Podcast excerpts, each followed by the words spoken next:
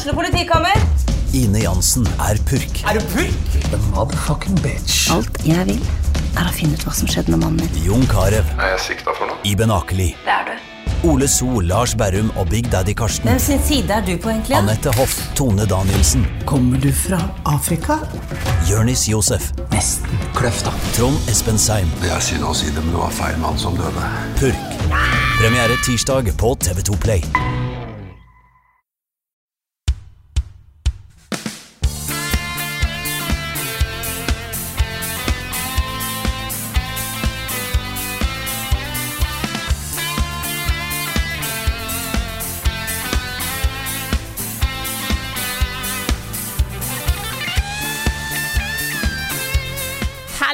Sammen, og velkommen til en ny episode av podkasten Level Backup. Med meg, Frida Danmo, og med meg har jeg som vanlig Karl Martin Hogsnes og Rune Fjell Olsen. Hallo, folkens.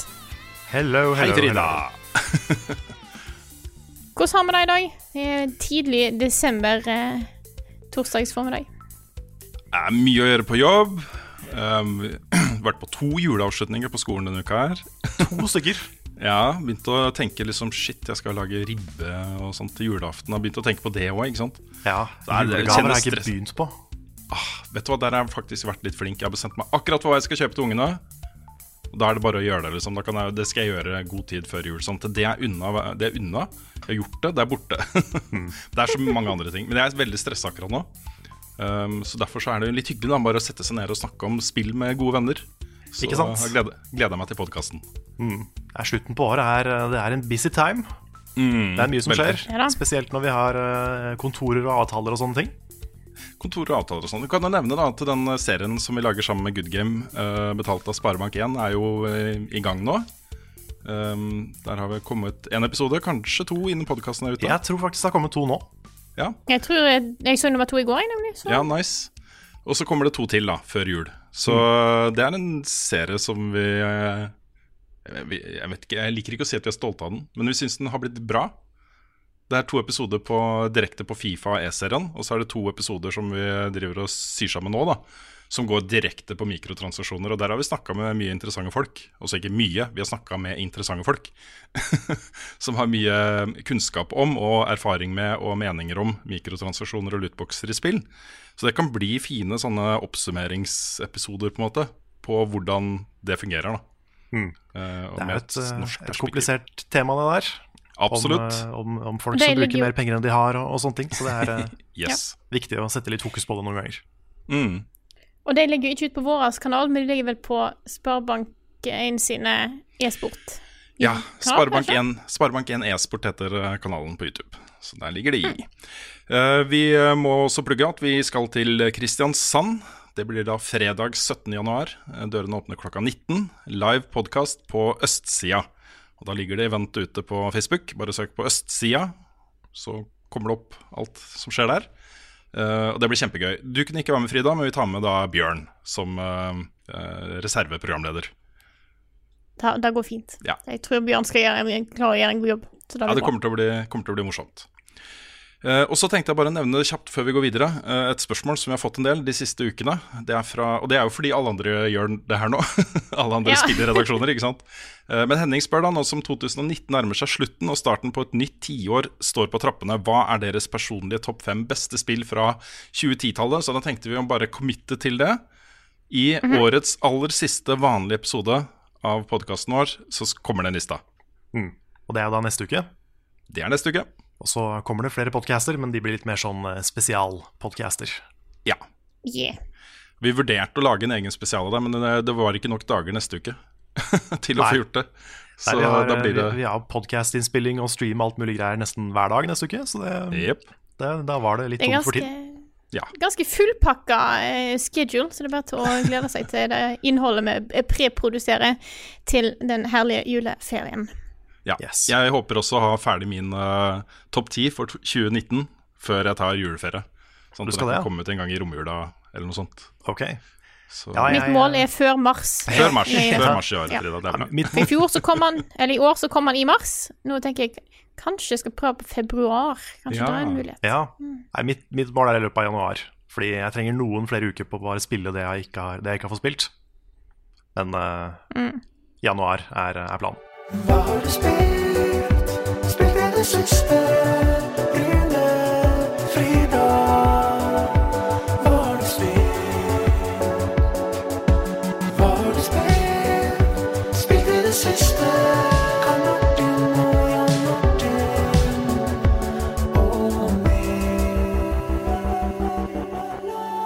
Ja, det slo meg i den lille vignettpausen at kanskje det jeg sa om den Fifa-serien vår, kunne misforstås litt. Og så når jeg sa at, eh, at jeg ikke er stolt av den, så betyr ikke det liksom at jeg ikke er stolt av den. det betyr bare at jeg syns det er kleint å si at jeg er stolt av den. Men jeg er stolt av den. Jeg syns den har blitt kjempebra. Og Ja. det her, eh, du har gjort en kjempegod jobb med å eh, ferdiggjøre den, Karl. Eh, og Espen har gjort en kjempejobb med å filme det. Til og med Nick har gjort en kjempejobb med å filme det en hel episode som da ikke ble noe av. Ja, Så vi har vært involvert, ja. Så vi er stolte av den. Bare Ja, ikke det, det, misforstå litt Liksom. sånn, det er bare litt sånn norsk jantelovsnakk. Ja. ja. Så jeg ville bare si det. Vær så god, Frida. Da skal vi snakke litt om hva vi har spilt i det siste, skal vi ikke det? Jo. Jo. Hvem har lyst til å begynne? Rune, du kan begynne. Det har blitt sånn vanlig da nå. Jeg liker bare følge mal. Yes. Jeg kan godt begynne. Altså, egentlig så har jeg ikke tid til å spille noen ting i jobbsammenheng akkurat nå. Jeg spiller jo ting på fritida. Uh, forbereder meg til ny sesong av uh, Destiny 2, som kommer på tirsdag. Eh, da må jeg bare nevne at det var jo folk har lurt på hva den sesongen er for noe. De har, Bungie har ikke sagt noen verdens ting. Det eneste som liksom klinger i bakhodet, er jo det de sa før Shadowkeep. Og det var nå har vi kontrollen selv, og framover nå så skal alt henge sammen, og det skal være sammenhengende historie og masse greier, da. Så var det en livestream i eh, går, på onsdag, hvor de presenterte for første gang hva som kommer da i den nye sesongen, og det som skal liksom sysselsette Destiny 2-spillerne fram til mars, tror jeg det er. Og det var, det var så intetsigende. Det var så labert. Um, jeg, jeg, ja, det så dritkjedelig ut. Og sesongen heter jo Season of Dawn. Den har blitt uh, omdøpt til Season of Yawn. Jeg skulle til å si det, ja. så, så var internett først. Ikke sant. Så jeg får gi det en sjanse. Jeg kommer til å spille, liksom. Men uh, jeg tror den sesongen blir liksom forbigått litt i stillhet for min del. Da. Så men vi får se. Det jeg har rukket å bruke litt tid på i jobbsammenheng, er jo PC-versjonen av Mosaikk, som er lansert nå. Um, og jeg hadde fått et hint om at den versjonen er den beste. mest polerte. Um, jeg trenger ikke gå inn i detalj på hvorfor det var sånn, men uh, det som også skjer da, samtidig med PC-utgivelsen, er jo at det kommer en patch til mobilversjonen med alle de forbedringene som er gjort til PC-versjonen. Så, um, så det er ute nå. Uh, jeg måtte spille igjen for å rett og slett ta litt video, for det her skal jeg lage en anmeldelse av. Uh, forhåpentligvis ute på fredag. Det er uh, Jeg vet akkurat hva jeg skal si om spillet. Det handler bare om å få tid til å sette seg ned og voice det og sånne ting. Når du sier på fredag, er- tenker du da i morgen eller neste fredag? Ja, jeg tenker i morgen. I, i dag, for de som hører på podkasten. Da er jeg med.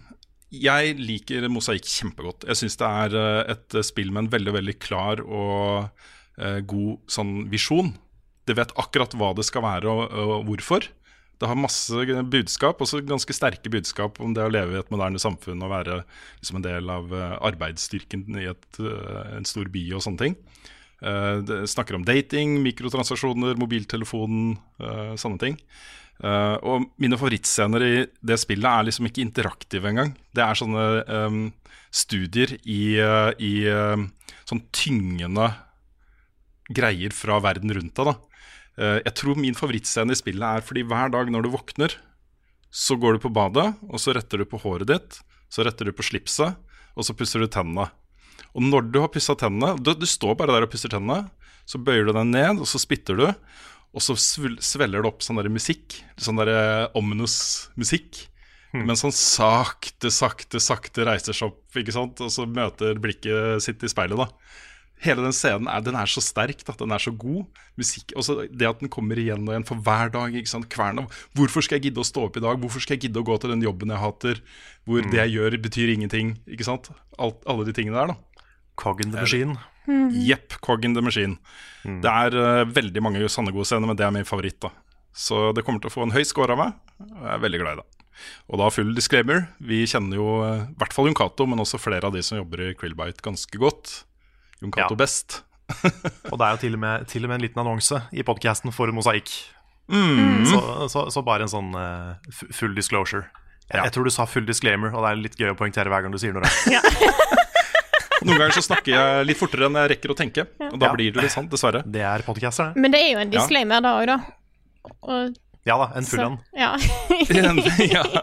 Eh, Da, men nesten skyte inn også et spørsmål eller en kommentar da, som har kommet til oss fra, fra også en god venn av oss, Det var Adrian Simenholm, eh, som skriver da Hei, til informasjon kan conditioning, vi snakka om dette forrige uke, oversettes med betinging.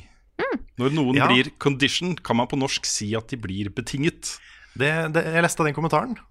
Ja. Det, det høres litt rart ut for meg, men jeg kjøper at, at det stemmer. Du, Hvis eh, Adrian sier det, så står det 110% faktisk på at det stemmer. Så Ja, han, er så, han er så god på, på sånne ting. Eh, han skriver også da f.eks.: Kan Dwight bli betinget til å forvente at visse lyder signaliserer at han skal få en pastill? Så um, takk for den, eh, Adrian. Det var bra, bra du oppklarte det. Uh, ja. Jeg, tror- jeg vet ikke om jeg trenger å si noe mer. Det er andre som har spilt mer enn meg, tror jeg. ja. Ja, Har du lyst til å Skal jeg ta over? Ja, kjør på. Da kan jeg begynne med å si at jeg endelig, etter, etter mange uker med litt sånn hobbyspilling, har kommet til rulleteksten til slutten på Disco Elysium. Nice. Og vi snakka litt forrige uke om at eh, det er veldig synd at ikke vi får anmeldt det fordi det er så lenge siden det kom. Det er nesten to måneder siden det kom ut. Men det er ikke aktuelt lenger. Nei. Jeg må anmelde det. Ja, sånn, ja. Og jeg har masse, jeg har masse, masse, masse å si, føler jeg, om det. Jeg, satt, jeg sto på bussen for et par dager siden og bare Bare sto og tenkte på Disco Elysium. Og hadde så mye liksom Jeg følte jeg måtte formidle, da. Så det, det kommer en video om det. Du- Selv om den er sein, så, så kommer det en video. Når du sa Ja, det er det er ikke bra, aktuelt lenger, så lurte jeg på om du mente er spillet ikke aktuelt lenger, eller er det det vi sa ikke er Ja. aktuelt lenger, og derfor er det aktuelt å lage en anmeldelse? Men da er jeg med. Da er jeg med. Ja, det er uaktuelt å ikke lage en anmeldelse. Yes. Bare det var det jeg mente. Fantastisk. Så det, det kommer etter hvert. Um, og der, eh, der, der har jeg en del, eh, en del å si. Og det blir en høy score, kan jeg si. Det, det blir en veldig høy score. Nice. 20. Ja. 20 av 10. Faktisk. Det første spillet som får 20 av 10. Ja. Ja. Men, eh, men, men i tillegg, da, så spilte vi jo et en spill på stream i går. Som heter Som kom ut nå på mandag, vel? ja, jeg tror det. Som, som heter Arise A Simple Story. Og det er ute på PS4 og PC og Xbox, tror jeg. Det handler da om en sånn eh, figur som, som ser ut som julenissen. Han er liksom et, eh, han er en sånn svær fyr med et, eh, med et svært eh, buskete hvitt skjegg som, eh, som er død. Ja. Det er det, det første du ser, er liksom at han, eh, at han liksom blir Han blir brent da i begravelsen sin. Og eh, har kommet da til et slags afterlife som tilsynelatende eh, viser livet hans i, i bilder og i liksom statuer og, og sånn. Han går liksom, Det er en sånn reise gjennom minnet hans, da. I hvert fall. Så, så langt jeg har kommet nå, så virker det som det er det det er. Med mindre det kommer en, en twist eller noe sånt her. Men uh, det er jo veldig sånn i gate med, med Journey og Gris, litt kanskje. Um, og de, de typiske litt sånn eh, vakre, artsy, abstrakte indie-spilla med mye farger og en litt sånn, litt sånn drømmeaktig stil. Og um, jeg synes i det spillet her så funker det kjempebra. Det fins jo eksempler på spill hvor det har vært litt sånn Det har vært pent, men det har ikke vært så mye Så mye substance bak det. Det har på en måte bare vært Nå skal vi lage et eh, Altså føles det som, da. At nå skal vi lage et artsy indie-spill uten at vi egentlig har en sånn veldig sterk visjon om nøyaktig hva det betyr og sånn. Jeg får noen ganger når jeg spiller den type spill, sånn bilde i hodet av teamet sitter der og bare Å, vi gjør det, vet du, de kommer til å føle så mye! Ja. Kanskje de begynner å gråte! Mm, ja, litt sånn. Men her Ja. så føles det som om det er en del, eh, en del tanker bak, da. I hvert fall så langt. Så jeg har kommet uh, ca. halvveis i spillet, tror jeg. Jeg har spilt gjennom fem levels, eh, som da har forskjellige navn basert på de viktigste minnene i livet hans. da. Så den første, første, første level heter She. Og det er når han møter hun ene jenta som har lyst til å leke med ham fordi han er aleine. De andre barna vil ikke leke med ham. Men så kommer hun jenta, og så blir de venner. Og det er level 1. Så det er, det er veldig koselig. Uh, musikken er helt nydelig. Jeg er litt svak for sånn eh, rolig, uh, emosjonell pianomusikk, så jeg ble litt forelska i den, det soundtracket. Liker måten du skulle styre tida på. Ja, for det er jo hovedmekanikken her. Eh, det, det er litt à la Braid, egentlig. Hvor du, har, du bruker da den, den eh, høyre stikka til å skru tid fram og tilbake. Akkurat sånn som i Braid, bare at istedenfor at du spoler fram og tilbake, så spoler verden fram og tilbake. Og det vil si at uh, i level 1 for eksempel, da, så begynner det med at det er vinter. Men da kan du skru tida tilbake til at det er sommer. Og da forandrer jo eh, landskapet seg. Vannet går opp og ned, det blir snø, og snøen smelter. Sånn type ting. Og eh, en annen level er et eh, jordskjelv, hvor du kan skru tida tilbake for å liksom flytte landmasser nærmere hverandre. Eller, eller liksom kjøre oppover en, en svær stein som raser nedover, eksempel. Og det er ganske stilig. For da får du, sånn, da får du mye mer um, Hva er ordet jeg ser etter? Total Altså, du får, du får mye mer Jeg klarer ikke å finne det ordet akkurat nå. Men du får mer kontroll over nøyaktig hvor fort tida går fram og tilbake. Og da kan du begynne å liksom surfe på fallende steiner, og du kan uh, klatre opp over en uh, uh, Altså en trestamme som detter ned en foss, f.eks. Og den type ting er litt eh, Det er en kul bruk av den, den mekanikken. Og da hele tida mens, eh, mens alt betyr noe. Det er alltid et eller annet som ligger bak. Det, det betyr noe, noen minner fra livet hans, ikke sant. Så eh, jeg liker det veldig godt så langt. Jeg tipper det er en sånn maks fire-fem timer langt. Så eh, det er eh, verdt å ta en titt på hvis man vil ha et litt sånn kort, eh, kortere spill å kose seg med nå, nå mot jul. Det så Har lyst til veldig å bra teste det her, altså. Mhm. Men det er jo veldig, eller har litt likhetstrekk med noe du har spilt. Ja, for Frida? nå skal jeg snakke om et litt artsy indie-spill som ligner litt på Journey, der du skal styre noen som er død, og gå gjennom minnet deres. Og da Ja, det er det der òg, ja. Ja, det er det. ja. okay. wow. Har dere spilt samme spill? Nei, Jeg har nemlig jeg, jeg har spilt Lost Ember, eh, som Det kom jo på PlayStation tidligere i sommer, nå har det kommet ut på PC. Eh, prinsipp, altså på en måte Det som skjer her, er at du har en en um, sivilisasjon som tror på det at når du dør Hvis du har vært en god person og levd etter de reglene de har, så havner du i himmelen.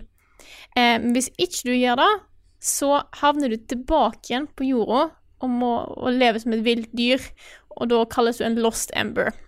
Så du møter da en, eh, en person, eller en sjel, som vandrer rundt på, eh, på jorda, som ikke vet hvorfor han ikke, har kommet til himmelen, for han har jo vært good guy. Eh, og så møter han på en ulv som forstår han, eh, og så viser det seg at dette er en Den ulven da har jo òg tidligere levd som menneske, eh, og de skal prøve å finne ut hvorfor den ulven er igjen, eller hvorfor begge de to er igjen på jorda, hvorfor de ikke har kommet seg videre til da, The City of Light. Eh, da Du er, du er sikker på at ikke Kristen Bell er med i det her? Du er sikker på at ikke Kristen Bell er med? Ganske sikker på at Kristen Bell ikke Ja, er med. Ja, Ja. ja. Uh, ja, bare sånn. Mm.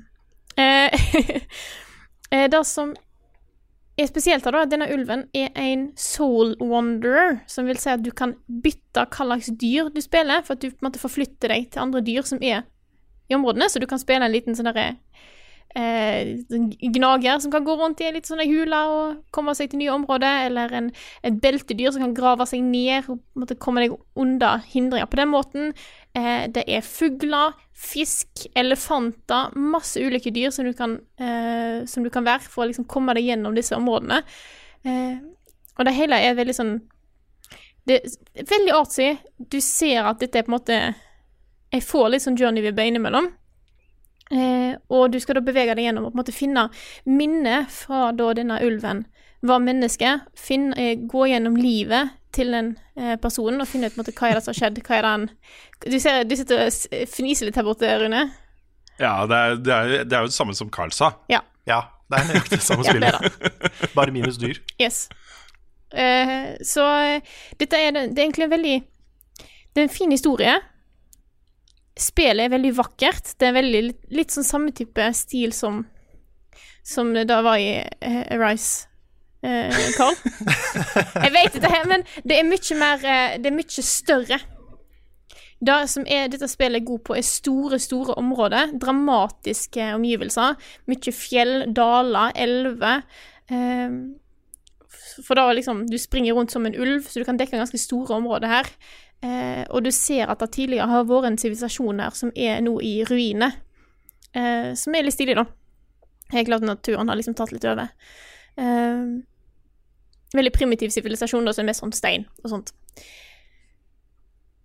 Det spillet gjør bra, er at når det først er bra, så er det så sinnssykt, sinnssykt bra.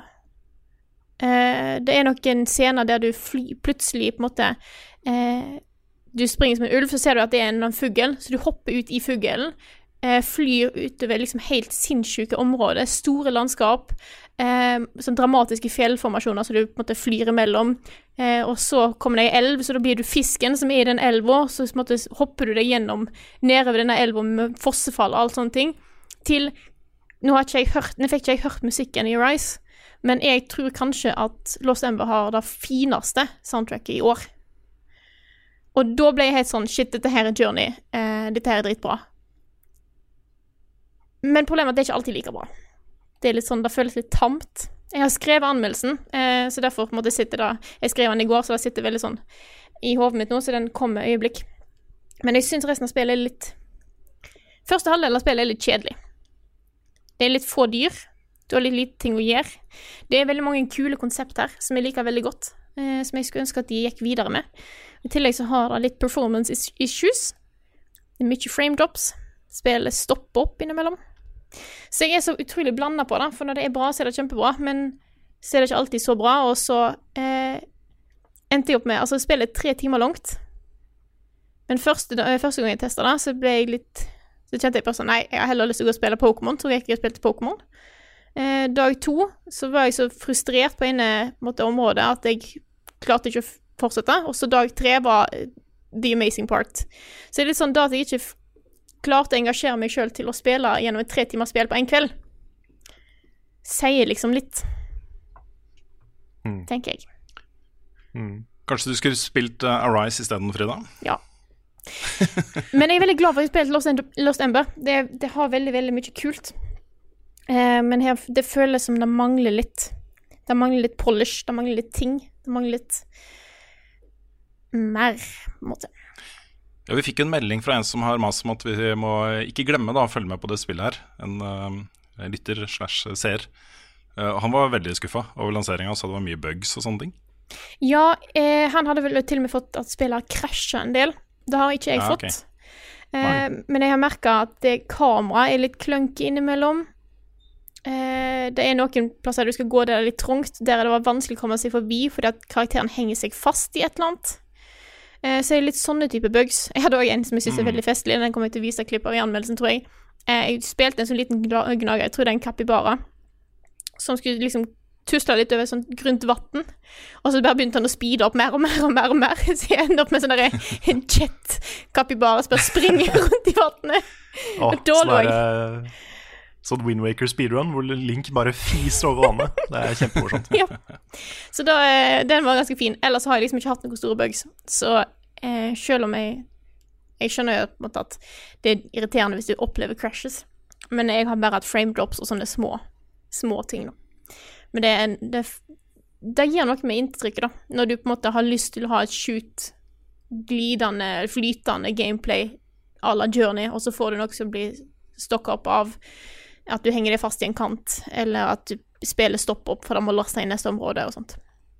For det har ingen loading screens, men det føles likevel som at den har det, for at plutselig så må du stå i ett sekund, og spillet bare stopper opp fordi den skal laste inn et fjell.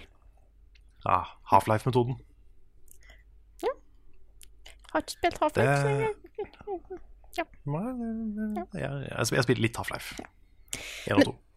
Men eh, det har veldig mye kult, så jeg ender opp med en eh, medium høy score. Ikke, det, er sånn, det er over midt på treet. Det er kjempebra det er når, det, når det er kjempebra, og det har eh, Jeg sitter og tenker på liksom akkurat den følelsen jeg fikk når du eh, På de mest dramatiske tidspunktene liksom i i områdene og sånt. Eh, så det liksom henger en del med meg, så jeg eh, kan ikke Kan ikke helt gi slipp på det. Og soundtracket kommer jeg til å høre masse på. Det ligger på Spotify, så der er det bare til å sette, eh, sette i gang, folkens. Vet dere det? Det, der, det du sier der, minner meg veldig om et annet spill. Jeg lurer på om det var i starten av i år jeg spilte det. Og så jeg, husker, jeg tror det var i starten av året. Vane. Som også Ja, hadde noen sånne moments. og Ja. Ja, Det var noen øyeblikk der som var bare så utrolig powerful. Eh, men resten av spillet var ganske kjedelig, da. Så ja. Ja, jeg syns øhm, I den kategorien syns jeg Arise er veldig bra. Det, jeg mista i hvert fall ikke interessen når vi satt og spilte det på stream i går. Og Nei, da jeg fenger meg litt mer. særlig Ja, så følte jeg ikke det var noe særlig frame drops eller noen sånne tekniske problemer heller. Mm. Det var bare et, et veldig sånn bra polished spill. Så hvis du skal velge ett artsy indie-spill om å dø og sånn, Ja. så uh, kanskje, kanskje Arise er the one. Ukens anbefaling. Ukens anbefaling. Hva skal jeg finne på? Ukens anbefaling. Hva skal jeg finne på? Ukens anbefaling. Hva skal jeg finne på? Jeg gir ordet til Rune, og nå innser jeg at jeg har glemt å sjekke om Men er det en serie du skal anmelde i dag, eller noe annet? Anmelder, anbefaler. ja. Det er ikke en eh, serie, men det er på Netflix. Ja. På Netflix. Jeg må begynne med å si at uh, også jeg er veldig glad i standup-komikk. Standup-shows. Um, men også, Jeg blir ikke provosert av dette, men det er litt sånn som når, når um, folk klager over eh, knebling av ytringsfriheten, f.eks. I et debattinnlegg i Norges største avis, lest av liksom 500 000 mennesker. Ja, kan, her står jeg på scenen og forteller om hvor sensurert jeg er.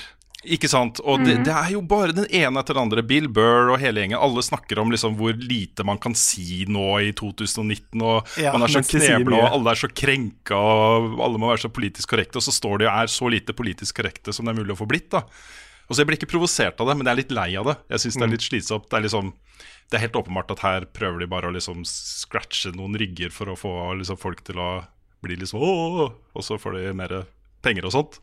Um, men det at jeg er lei av det, betyr jo ikke at jeg er lei av liksom hele sjangeren. Og det jeg blir ekstra glad for, da, det er jo standup-komikere som er liksom noe helt annet. og Det er litt vanskelig å forklare akkurat hva jeg mener, men eksemplene er jo eh, Bo Burnham, Ja, som vi har snakka mye om. Eh, Fantastisk show. ja, helt, helt utrolig. Eh, og også Hannah Gatsby, som hadde det Nanette-showet sitt. Ja. Og så rå, veldig ærlige, utleverende og litt sånn Det treffer ganske dypt, da. Fordi de er så utleverende og så ærlige at de kommer liksom i kjernen av en eller annen slags form for sannhet ikke sant? om det å være menneske og, og sånne ting. Samtidig som det er veldig morsomt. Og jeg har aldri sett noe av han her jeg skal anbefale nå før, men Daniel, som jeg spiller Destiny med, det er nesten litt sånn det å under, underspille vennskapet mitt til Daniel, for vi snakker om så mye annet. Liksom. Vi spiller Destiny sammen, men det er det eneste vi gjør. det, Vi gjør ingenting annet sammen. Vi spiller Destiny sammen. Så den Eh, sesong tre av Blank handler egentlig om deg. Ja, egentlig om meg. Nei, for han anbefalte at jeg måtte se det nye showet til en eh, standup-komiker som er veldig kjent, da, men som jeg ikke har sett noe av før, som heter Mike eh, Burbiglia. Eh, og det nye showet hans heter The New One. Um, og han er Altså, det var altså så morsomt, og så vondt å se på noe av det, fordi han er jo da utrolig, utrolig utleverende og ærlig på det å bli pappa for første gang. Og han har aldri hatt lyst til å bli far. Og han til og med liksom med kona hans og sånt, han sa vet du, vi skal aldri ha barn. Uh, det kommer ikke til å skje. Uh, og så ramser han opp sju grunner, da. Og det er jo f.eks. at han uh, Han har en Jeg ser synd på ham. Fordi han har jo diabetes 2. Eh, han har en sånn derre søvnsykdom som gjør at han kan bli ekstremt utagerende uh, mens han sover. da. Uh, en gang så hoppa han gjennom et vindu uh, og måtte liksom rett på sjukehuset og si masse sting.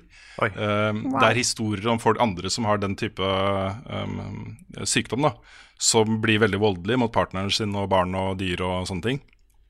Så han sover i en sånn hjemmelagd tvangstrøye. sånne ting hjemme, da. Um, så han har masse sånne ting. Uh, men så får de barn, da, og det han snakker om da, altså de tingene han snakker om, det er Jeg kjenner meg ikke igjen i det. Jeg kjenner meg igjen i noe av det, men han, uh, det, har nok, det har nok truffet han hardere enn meg, da. Men det er så befriende da, å høre noen snakke bare helt ærlig om det å få barn, og hvordan det påvirker livene til folk. Uh, og så er det innmari morsomt. Og så er det et sånn type show. Det er ikke fullt av effekter, sånn som Bob Burnham, men han har noen virkemidler som, som jeg ikke har sett i standup-komikk før. da. Eh, og når han først bruker de virkemidlene, så blir det bare Det treffer skikkelig bra, da. Så jeg vil anbefale da folk å se på Netflix uh, Mike eh, Birbiglia, eh, The New One. Og jeg skal i hvert fall gå rett tilbake i eh, arkivet hans og se mer. Ja, den skal jeg sjekke ut. Kan jeg komme med en liten sånn eh, update på en tidligere anbefaling? Hvis Ja. jeg kan ta med en ekstra anbefaling jeg har glemt ja, dette er, Det er snart jul. Det er Dette er standard level up business. Yes. Yes. Det, det har seg sånn at eh, sesong to av Blodfjell har begynt, Ja. og så langt så liker jeg den veldig godt. Det er jo, den første sesongen er jo litt sånn eh, Litt sånn mysterie slash julesplatter-greie, hvor liksom folk dør i hver episode, og det er veldig sånn Det, det er litt- litt mer sånn Ikke, ikke splatter, men slasher, heter det kanskje. Ja. Jeg vet ikke helt forskjellen på splatter og slasher, men sånn at liksom alle dør. Ja, det er mer gørr i uh, splatter. Ja, det er ikke så mye gørr. Det er ikke. Nei, ikke det er litt, men det er ikke mye. Ja. Men, eh, men sesong to er mye mer sånn eh, basert Det er mye mer krim. Altså, det er jo vel, først og fremst humor. Det er jo bare, bare tull, liksom. Men det er også en krimhistorie. Det er, det er nærmere sånn type Stig Larsson, men som hadde kvinner, den type ting, da. eh, enn det er en sånn horrorgreie. Og det funker ganske bra, altså. Jeg syns det er De tar en del sånne detektivhistorier på kornet. Og han Svein Sot, som er hovedpersonen, han er jo liksom en fantastisk bra idiot av en karakter. Og jeg bare Det, det er konge. Så, eh, så, så se sesong to av Blodfjell. Du kan jeg bare skyte inn et lite spørsmål fra, fra en her, for det er eh, så relevant til akkurat det. Ja. Eh, Det er fra Linn Sunniva Davidsen, som lurer på hvilke julekalendere vi ser på i år. Hvis vi ser på noen i det hele tatt. ja, det er den. Det er den.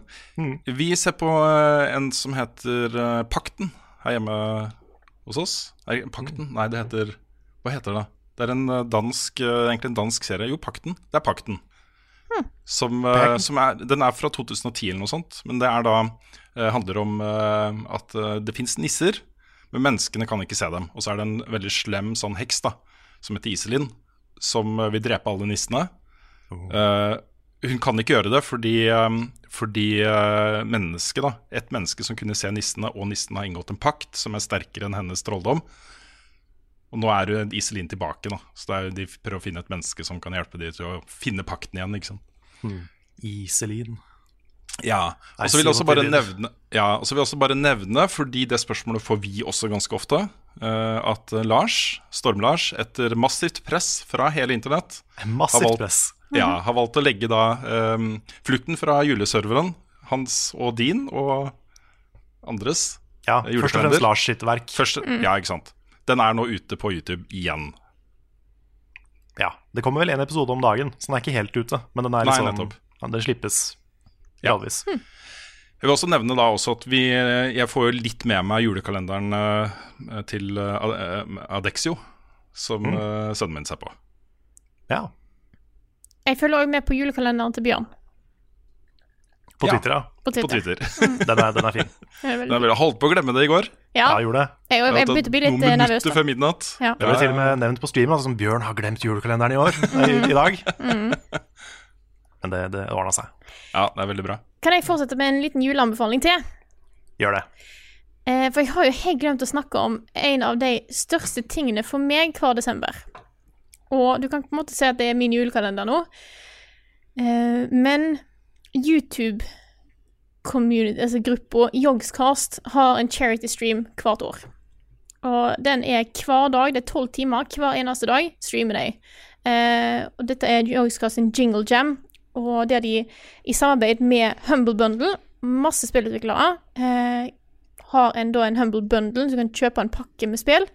Eh, der spill blir liksom hver, nye spill blir reveala hver dag, som er i den pakken. Og alle inntekt går til veldedighet. Eh, så det er helt insane det de gjør. De har Det er jo så mange eh, youtubere som er med i Yogscast, så de bytter på hvem som streamer, hva de streamer, hva de gjør. Den ene dagen så bare lager de julekule. Eh, og det er faktisk noe av det koseligste jeg vet om. Så jeg har sett på Jeg ser på hver dag. Eh, vi ser på det til I tolv Eh, timer hver dag. det er, altså, nei, det er altså ikke tolv timer, men det er ikke langt ifra at jeg, jeg ser på liksom hele tida nå. Eh, Ja. Så jeg vi ser på når vi spiser middag, jeg ser på hvis jeg sitter og holder på med et Excel-ark på jobb, så ser jeg på det. Eh, for det er altså så koselig. Eh, og så er det masse bra spill som ligger i denne bundelen. Jeg kan nevne i fleng eh, Kingdom Newlands, som jeg spilte masse i fjor jul. Eh, Bastion. Raptor Rejects. Eh, det var vel i går eller foregårs, så vi fikk du en kupong på 70% off på eh, Two Point Hospital, blant annet. Så her kommer Nice. det nye ting eh, hver dag. Eh, og de har så langt samla inn 1,6 millioner dollar. Og alt dette går ikke verst. Nei, så dette her er Det jo er ikke verst. Så det er Jeg tror de hadde for to år siden så tror jeg de hadde deres all time high. De, de fikk inn over tre millioner dollar i løpet av desember. Og alt går jo til veldedighet, så det er gode ting.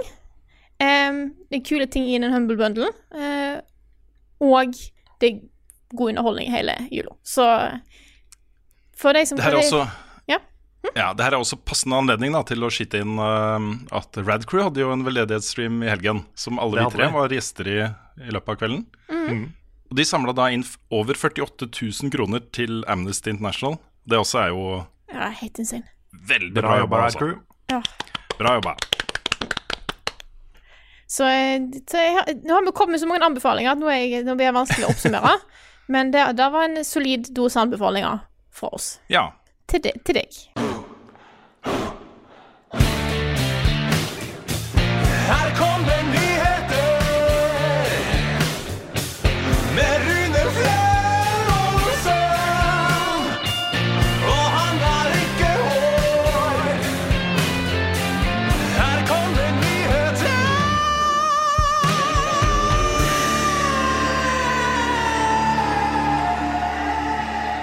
Spillutgiveren Ragnarok saksøker nå Human Head Studios for 100 millioner dollar.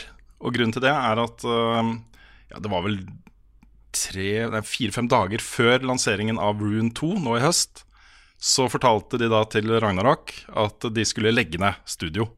Så de ga ut Rune 2, og så la de ned studio. Og så fikk alle da jobb hos Bethesda, inkludert sjefer og, og sånne ting. da. Og så Hele studio ble snappa opp. De har samme adressen, de sitter på samme sted og jobber. De har de samme jobbene, men de er nå eid av Bethesda. Så Ragnarok er jo rasende, og spillerne er jo rasende. Og så De ble jo lova eh, kontinuerlige oppdateringer og forbedringer og sånne ting etter utgivelse, som eh, jo ikke skjer. Ragnarok eier også spillmotoren, og alle assets, det har de ikke fått. Um, så, så det er en ganske stor og stygg sak etter hvert, dette her, da. Jeg, jeg skjønner liksom ikke helt verken timinga eller noen ting, hva som har skjedd der. Det er, en, eh, det er veldig rart. Veldig, veldig rart. At det bare løper fra et spill på den måten De bør liksom bare gi det ut og bare. See you! Ja, ikke sant? liksom- Jeg hadde, liksom, jeg hadde skjønt det hvis spillet ble kansellert, men når det Ja. faktisk ble publisert og gitt Altså, Og så bare ga det opp. før. Fullstendig, på en måte. Mm. Ja. Wow. Hvis noen har problemer med å plassere Human Head Studios, så er jo det selskapet som da lagde originale Rune. Eh, Mhm. De har lagd Prey, eh, og så har de lagd The Quiet Man. oh, ja. og da Rune 2. Og De har lagd mye rart, da. ja. Ja. Åh, The Quiet Man. The Quiet Man. Nei, De er da kjøpt opp av Bethesda. I praksis så er det jo det. Det um, er jo ikke noe men, Ja, når alle har de samme jobbene. Det som skjedde, var jo da, ifølge de som jobber i selskapet, at alle fikk jo tilbud om jobb. Og så de måtte søke på å få da de nye jobbene i dette nye studioet. Nå husker jeg ikke hva det heter i farta, men det har jo fått et nytt navn og sånne ting. Så, men dette kan bli en interessant sak å følge med på, altså. Det er um, ja, ganske dramatisk. Så litt mer eh, hyggelige nyheter. Det blir sånn nest, Nei, det blir ikke annenhver, ser jeg nå på manuset. Men det er uh, Det er opp og ned i dag. Opp, litt opp og ned. Det er litt forskjellige ting. Ja. Uh, to the Moon eh, 3. Imposter Factory er uh, annonsa. Det stemmer. Det, Det var jo vil komme i 2020. Ja. Det her er jo eh, altså han Kan Gao, som, er, som står bak To the Moon og Finding Paradise. Han slipper jo ofte litt sånne trolltrailere, på en måte. Og det her var ikke noe unntak. Han presenterte det som To the Moon 3.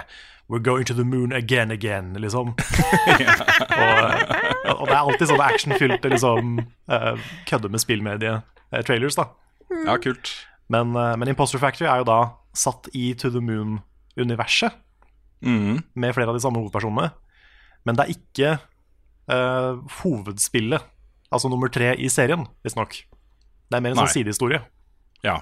Så det er en, uh, det er en sånn Ja, et, et sidespill satt i uh, To the Moon-universet, da.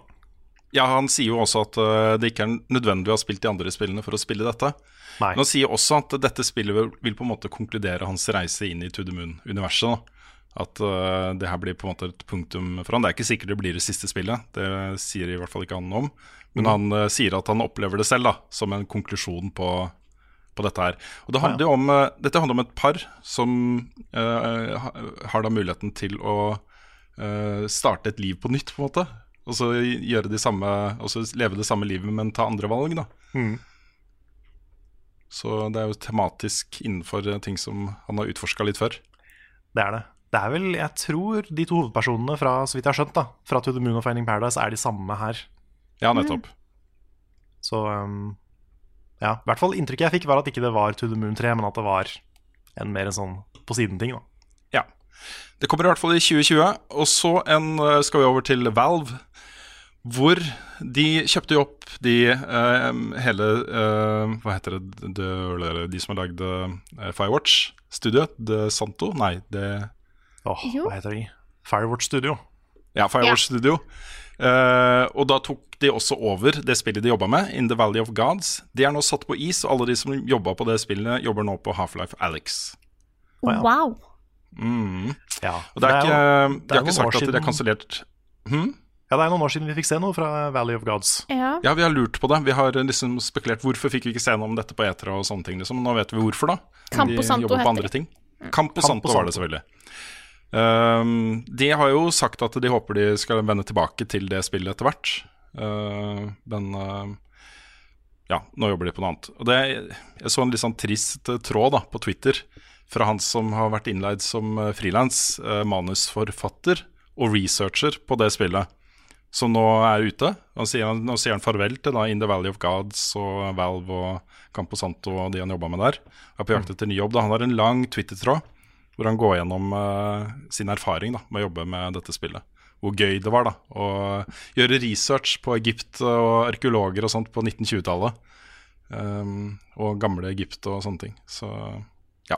Jeg bare tenk på å være- å være en gjeng som bare jobber med et sånn passion-prosjekt. Du har et spill, og så blir du kjøpt av et annet selskap, og dette går fint. Så blir det bare sånn «Eh, Dere får ikke lov til å jobbe med det lenger. Og sånn, Nå vet jeg ikke om dette er tilfellet, men det er bare for Nei, meg føles jo eh, Ja. Men den Twitter, var, det, var han bitter misfornøyd med Valve, eller var det bare at han var trist for å være ferdig? Eh, Det inntrykket jeg fikk, var bare sånn han er lei seg for at han ikke fikk eh, være med å fullføre det spillet som han har kost seg så innmari med å jobbe med. Mm. Det var mer det. Jeg tror ikke okay. han var bitter eller uh, forbanna eller noe sånt. Det var mer eh, lei seg, da. Mm. Litt sånn sorg over å si farvel til et prosjekt han var veldig glad i.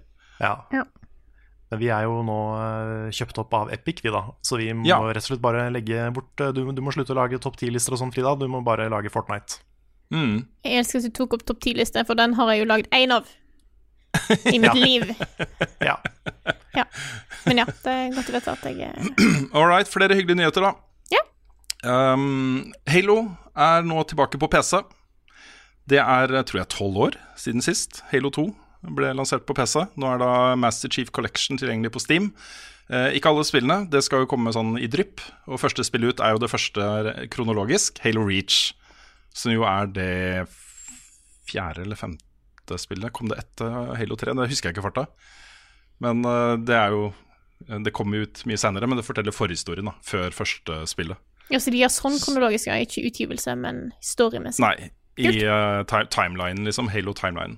Det er en veldig god historie og et veldig bra spill, og jeg gleder meg til å teste det. Det er um, uh, mange år siden jeg har spilt det. Og det er en litt sånn annerledes type Halo-opplevelse, fordi du spiller et event som er, eh, blir omtalt i Halo-serien eh, fra spillene som har kommet før, så du vet hvordan det kommer til å gå. Um, det er litt sånn som Rogue One, Star Wars Rogue One, hvor du, du vet hvordan det kommer til å gå, men det er dritspennende å spille allikevel. Så ja. Så det er kult. Jeg så også at eh, det konkurrerte med uh, Bungies eh, aktuelle spill, Destiny 2, om å være på toppen av eh, Steam Most Played-listen og sånne ting. Så det var litt artig, da. For det er også et Bungies-spill, egentlig. Resident Evil 3 er, eh, det er ikke confirmed, men det er et rykte som eh, flere medier har fått bekrefta fra sine kilder, eh, faktisk stemmer. Og det er da Resident Evil 3 eh, vil nå komme i remake, full remake. Samme behandling som Resident Evil 2 fikk i, i 2020. Så um, ja. Jeg tror jeg folk er klar for mer, så det var en god nyhet. Yeah. Og så har jo massevis av anmeldere rundt omkring i verden nå sett The Witcher, som jo har premiere på Netflix eh, 20.12. Og jeg, jeg blir sånn det, ja, det kan være sånn hype også. Sånn, du sitter der, du har tilgang til noe som ingen andre har tilgang til. Du er kanskje litt gira fra før, og så blir du ekstra gira fordi du sitter og ser noe som er bra. ikke sant? Men de sier jo bedre enn Game of Thrones og sånt, har jeg lest på Twitter. da. Så um, Men spørsmålet er jo hva, hva type Game of Thrones tar de utgangspunkt i? Tar de utgangspunkt i det Ja. som var bra, eller tar de utgangspunkt i siste sesong? For det er jo to forskjellige ting, ifølge Jo, jo, jo. Dette blir haussa opp litt, da, for det de har snakka om, er at kampsekvensene er liksom de feteste action- og kampsekvensene de har sett i noen TV-serie ever, liksom. Hmm. Så jeg tror det er det de snakker om når de sier bedre enn Game of Thrones, så tror jeg det er det, da. Jeg tror ikke de har liksom gått inn på det politiske eh, spillet som har pågått over mange sesonger, ikke sant. Det er- Ja, ja, det, var det mest jeg som er litt banter, litt drittslenge her og der. Mm. Ja, ja, ja. Men den gleder jeg meg til å se, altså. Så Ja. Jeg er litt uh, intrigued. Mm.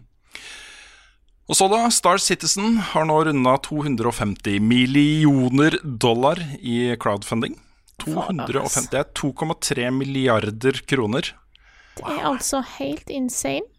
Ja, og det pushet kom fordi de liksom i november så samla de 9,5 millioner dollar. I november, bare nå, liksom.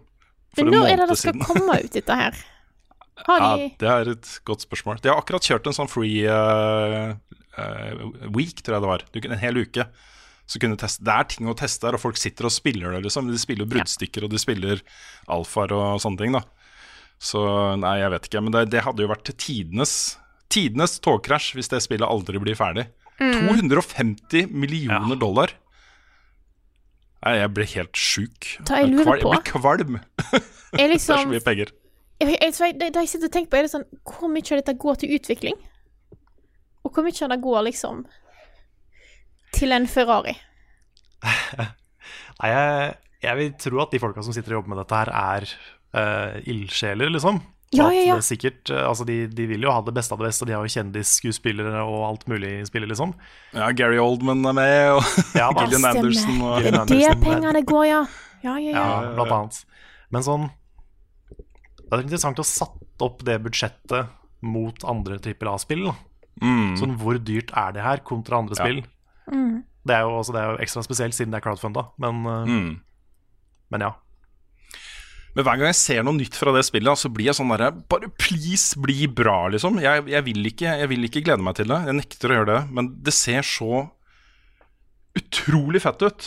Mm. Å sitte i ditt eget romskip som du har liksom tinkla med og oppgradert og brukt masse, og du har fått et personlig forhold til, lande på en planet som ser helt awesome ut, og gå rundt der og gjøre ting. Det er det, det, åh, det Ja, nei, nå binder jeg igjen, ikke sant. Jeg kan ikke gjøre det. Nei, Rune. Nei, jeg kan ikke Nei. det. Dette er sånn jeg har lært å ikke gjøre med Pokémon. Nettopp. Jeg avslutter eh, nyhetsspalten med et par eh, saftige rykter. Um, rykte nummer én det er um, da franske journalister som har gravd opp dette her. For det er et fransk studio deler. Uh, og ryktet er at det vil komme en oppfølger av A Plague Tale Innocence, et nytt spill. Og det er interessant fordi dette er et sånt typisk spill hvor du ser potensialet til studio. De er ikke ferdige ennå. De har ikke helt liksom nådd sitt potensial. Men hvis de bare holder ut og fortsetter og har entusiasmen og de tingene der, så kan det bli amazing. Virkelig amazing. Og jeg likte Plague Tale veldig godt. Ja, enig. Og så og så heter det jo A Plague Tale kolon. Så det, det passer fint med flere Plague Tales. Jeg husker vi snakka om det i podkasten, eller en annen sammenheng. Jeg husker ikke sammenhengen, men jeg husker vi snakka om akkurat det, siden det var Ja. kolon der. A Plague Tale Guilt. Jepp. Yes. Og så et rykte til. Det er jo også sånn type rykte som er sånn Ja, selvfølgelig kommer det til å skje. Um, men ryktet er da et uh, nytt Spiderman fra Insomniac i 2021 til PlayStation 5. Det, det er ikke noe jeg sliter med å tro på. Nei. Nei. Det må jo komme mer. Det er det er cliffhanger ending. Ærlig talt. Reklame. Jeg vet ikke helt om vi skal gi deg en ny sjanse her nå, så Jon Cato. Nei, det er noe med sånn fool me once. Jeg husker jo hvordan det gikk forrige gang. Altså, jeg har eh, Jeg ble litt ivrig forrige gang. Men sånn er det. Det er mange baller i lufta, så av og til blander jeg. Men nå har jeg fokusert fullt og helt på et aktuelt tema. Det er bare fordi eh, vi er venner, liksom, Cato. Nå stoler vi på deg. Du får en sjanse til. Tusen takk, det skal du ikke angre på. Jeg skal nemlig snakke om det som mange har snakket om og skrevet om i det siste, nemlig Google Stadia.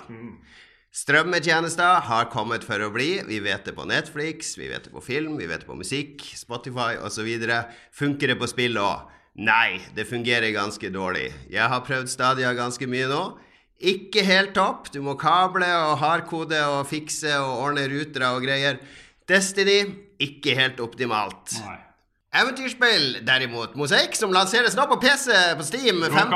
desember. Det kan utmerket godt passe på Stadia. Jeg er innenfor temaet! Det er Stadia! det er Stadia. Ta deg ut herfra, altså. Mosaikk 5. desember!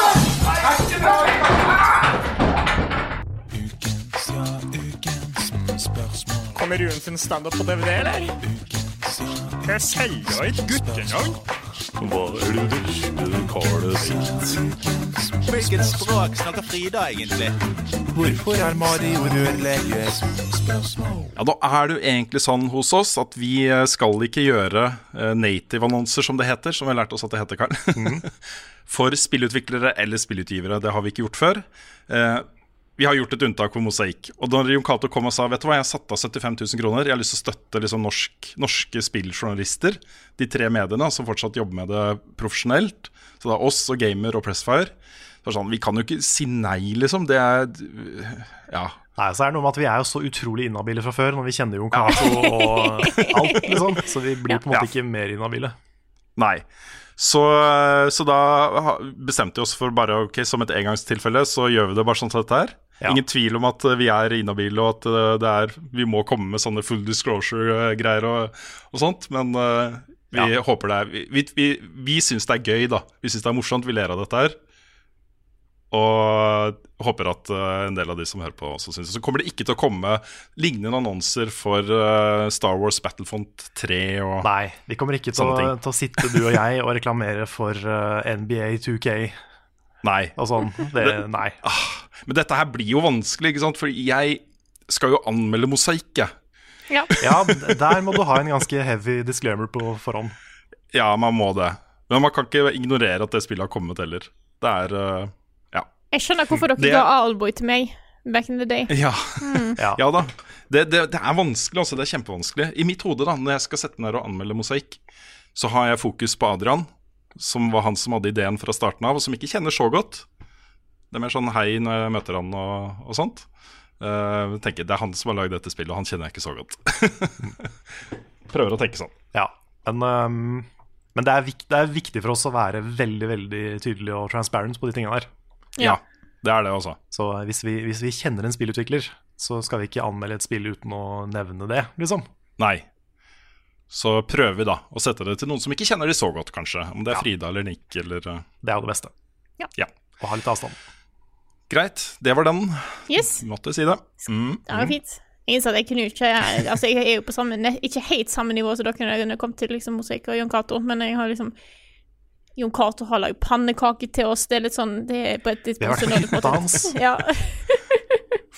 Ja. Yes. Skal vi ta noen spørsmål, eller? Det er da den spalten her er. Det kan vi gjøre. Ja. Vi har et spørsmål her fra Ingar Takanobu Hauge, som skriver i dag, 3. desember, altså tre dager siden for dere hører på, er det 25 år siden første PlayStation ble lansert. Hva er deres favorittminne knytta til konsollen? Både spill, opplevelser og følelser etc. Yes, vi svarte den til dette. Jeg hadde tenkt å ta den med litt tidligere i podkasten, men tenkte det er god anledning da, til å bare ta det her. Jeg var jo på uh, bursdagsfesten til PlayStation uh, oppe hos Nordisk Film, som er PlayStation-distributører i Norge, uh, på tirsdag. På selve dagen. Og det var, det, var, det var veldig hyggelig. Jeg kunne ikke være der så lenge, for jeg måtte tilbake og klippe Fifa, mikrotransaksjoner, ting og, og sånt. Um, men eh, det var hyggelig, og det var jo gamlegjengen. Uh, Jarle og Erik fra Pressfire satt der, Audun fra Gamer. eh, Silje, som jo har jobba med spill-PR i Norge i gudene vet hvor mange år, nesten like lenge som jeg har holdt på, tror jeg. Eh, Kjetil, som er eh, på en måte markedsansvarlig for PlayStation eh, hos Nordisk Film.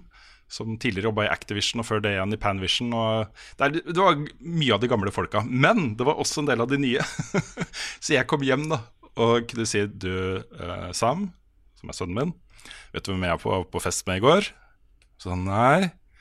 Jeg var på fest med Noobwork og Kattekrip og Markus fra NRK Super. Han bare sånn hvorfor kunne ikke jeg være med? Så det var en fin miks av ny og, og gammel garde, på en måte. Mm. Um, så det var veldig hyggelig. Det var en liten digresjon, men jeg synes det er, det, før i tiden vet du, så var jo det sanne fester hele tiden. Og i hvert fall på høsten. Det er en del sånne legendariske megafester. Og det var først og fremst egentlig for de som jobba i spillbutikker, de som jobba hos spillpublishere, eh, kunder av de, sanne ting. da Men det var jo også masse journalister og sånne ting som var på de festene. Eh, helt crazy. Så Dette er interessant. Det er så spennende å høre om. Det er sånn, jeg ser ikke for meg liksom dette miljøet som la oss ha tidenes gigaparty og bare hele tida. Jeg syns dette er faktisk Nei. eh, Det er sånn kult innblikk. Mm. Dette, er, dette er før min tid også. Ja, nei, det var jo noen av de festene der som uh, dette, Jeg var ikke med på nachspielet på den, da, men uh, hvor de hadde Microsoft hadde leid Der sånn, ligger et gammelt banklokale i Kvadraturen i Oslo, som er veldig sånn staselig. Det er et stort murbygg med en svær hall inni. Det er veldig staselig. Jeg tror det var launchparty for enten Halo 2 eller 3. Jeg lurer på om det var Halo 2. Hvor um, det, det var jo gratis alkohol og alle disse tingene, selvfølgelig. Og hvor da Spiderman-butikken lå jo rett rundt hjørnet. Så det var nachspiel på Spiderman, hvor det skjedde en del greier. Det ble tatt opp bilder med uh, Halo 2-coveret i rumpesprekken til noen. Jeg vil ikke utlevere hvem det var. Sånne ting, liksom. Wow. Så dette var gode gamle dager. Gamers Greit, skal vi, skal vi, snakke, skal, skal vi snakke om uh, t- spørsmålet? Ta Svare på Ja. spørsmålet? Ja, Jeg, jeg har en historie. ja. Jeg, jeg tror jeg har fortalt den før, men det er lenge siden. Men det var da julaften, da jeg var, eh, da jeg var fjortis. Husker ikke nøyaktig hvilket år, men, men jeg var ganske ung. Og jeg feira jul sammen med fetteren min og familiene våre. Og vi ønska oss mer enn noe annet i hele verden enn PlayStation 2. Begge to. Det var, liksom, det var den ene tingen vi ønska oss mer enn alt. Og det var to svære pakker under juletreet, men det var forskjellig størrelse på de. Og Ah. vi visste ikke hvor svær en PlayStation 2-boks var. Oi, oi, oi. Så en av oss ville få PlayStation 2, og det var jo krise. Det var, eh, det var, en sånn, altså det var den mest dramatiske delen av et realityshow hele den, hele den julaften. Ja. Mens vi venta på å kunne åpne pakker. Og bare sånn, Hvem er det som har fått PlayStation 2? Det er jo ikke greit at bare en av oss har fått det. Nei. Så, så det var, da, jeg hadde så mye nerver. Jeg var overbevist om at liksom Jeg pleier jo ikke å få så dyre gaver. Det er sånn Fetteren min pleier å få sånne konsoller og sånn, men jeg pleier jo ikke å få det. Så jeg var sikker på at han hadde fått PlayStation 2, og jeg hadde fått et eller annet annet. Puslespill med 1000 brikker eller noe sånt. Ja, noe sånt. Ja. Jeg, jeg tror ikke jeg hadde fått det. Det da hadde jeg blitt litt skuffa over mamma og pappa sin fattelse av mine interesser. Aldri vært så stor på puslespill. Men um, så, så kom den, eh, den tiden på kvelden etter maten hvor vi skulle åpne gaver. Og så var den ene pakka en lurepakke. Så begge fikk PlayStation 2. Oh, Wow. shit. Og det var den beste jula ever. Ja. Så det er nok mitt sterkeste PlayStation-minne, sånn utenom spill, da. Sånn faktisk mm. minne relatert til PlayStation. Jeg tror Jeg dykker det til konsoll, da, så jeg vil tippe det er PlayStation 1 vi egentlig skal snakke om, men det er et veldig fint minne. Nei, det er PlayStation generelt. Ok, da er det 25 år med PlayStation. Ja. Da er det good. Da, da er det innafor. Yes. Da, er- da trekker jeg tilbake min kritikk. Det er greit. Jeg kunne jo snakka i timevis jeg, om uh, minner fra PlayStation-konsollene. Jeg har liksom uh, intervjua Ken Kutaragi. Jeg har eh, møtt uh, skaperen av Vico Shadow of the Colossus. Uh, det er liksom det, jeg, det er så mange historier jeg kunne ha brukt tid på å fortelle. da så, Men uh, hvis jeg skal oppsummere, da så var jo PlayStation 1 var vel egentlig den konsollen som gjorde at jeg fikk lyst til å jobbe med dette på heltid. Uh, og den fikk jeg da et par år før jeg begynte å skrive om spill i VG. Um, og eh, med liksom spill som Wipeout og ting som ikke hadde blitt gjort så mye av før. da Spill ble kult, på en måte. Tomb Raider, sånne ting, så, så vokste det en sånn nysgjerrighet i meg for spillmediet som ikke hadde vært der før. Um, og når det ble liksom fulgt opp av uh, Metal Gear Solid, uh, Gran Turismo, uh, etter hvert Shadow of the Colossus, ICO og den type ting, men også sånne ting som Ratchet and Clank, Sly-serien, Jack and Daxter, uh, Buzz, Singstar Masse sånne ting. Også den, PlayStation har hele tiden vært flinke til, kanskje med unntak av PlayStation 3-æraen, selv om det kom ting da også, eh, til å på en måte utvide hva folk forventer spill skal være. Mm. Og det er på en måte den største legacyen de legger igjen etter 25 år, er det også. Ja, og så var de, de var viktige for det å markedsføre spill for eldre mennesker. For Mm. Nintendo var veldig barnefokusert i alle år. Ikke, ikke 100 men først og fremst. Eh, og så kommer PlayStation, som markedsfører seg for liksom unge voksne. Mm. Og det var litt nytt da. Altså Grand Theft Auto 3 ble jo launcha på PlayStation 2 eh, eksklusivt. I starten det kom jo på andre plattformer etter hvert. Men det var jo et sånt event som jeg tror er, var veldig stort for veldig mange. Kanskje manges også første møte med spill. Første gang de skjønte at vet du, det her er fett, mye kul musikk, og du kan gjøre fete ting. Og det har litt filen til en sånn crime-film. Sånne ting, da. Og um, det, det er en så viktig utgivelse, akkurat den der. Og mye av grunnen til at PlayStation 2 ble så svær som den ble. da Ja, Så er det ting som Tony Hawk, og, Mm. som var amazing. Ikke minst så har de vært kjempeflinke til å lage veldig sånn unike ting selv, med sine førsteparts- og andreparts-utviklere. Med Naughty Dog og Insomniac uh, og den type studioer. Ja, og, og Final Fantasy-serien Den uh, blew my mind når det kom til hva spill kunne være. Mm. Det husker jeg veldig godt. Jeg kom jo litt seint inn i PlayStation eh, sånn personlig. Jeg hadde jo aldri PlayStation 1, men jeg hadde venninner som hadde det, så det da var der og spilte et forferdelig ræva Harry Potter-spill. Eh, da kan jeg Ja. vagt huske. Eh, men ellers var det, det var søskenbarnet mitt som hadde PlayStation 1 og PlayStation 2. Så jeg husker, jeg vet jeg har spilt Tomb Raider der. Eh, et par timer. Og Rayman. Eh, Mm. Jeg tror det er hovedsakelig PlayStation 2, dette her. Eh, Rayman eh, Revolution og Rayman 3 Hoodlum Havoc. jeg hvis jeg ikke blander titlene nå. Det er i hvert fall Rayman Revolution og Rayman Hoodlum Havoc. Mm. Ja, for Revolution er det som er Rayman 2. Ja, som kom fordi at Rayman Revolution er litt mer fancy versjon av Rayman 2. Ja. Ja. Med en overworld og sånn. Ja, ikke bare et map. Mm. Og da, for meg var jo helt insane eh, Da på en måte da, Jeg tror det var der jeg ble solgt på 3D-plattformer, egentlig. Eh, var de Rayman-spillene der. Eh, og ellers jeg vet ikke jeg hvor mange timer som gikk vekk jeg med vennegjengen min med Singstar. Herregud. Så setter noe Hvor gamle var de da? Ti? Tiåringer til eh, Singstar. Det er jo da tiåringer ellers, er jo å synge til musikk, og så kan du gjøre det til et spill.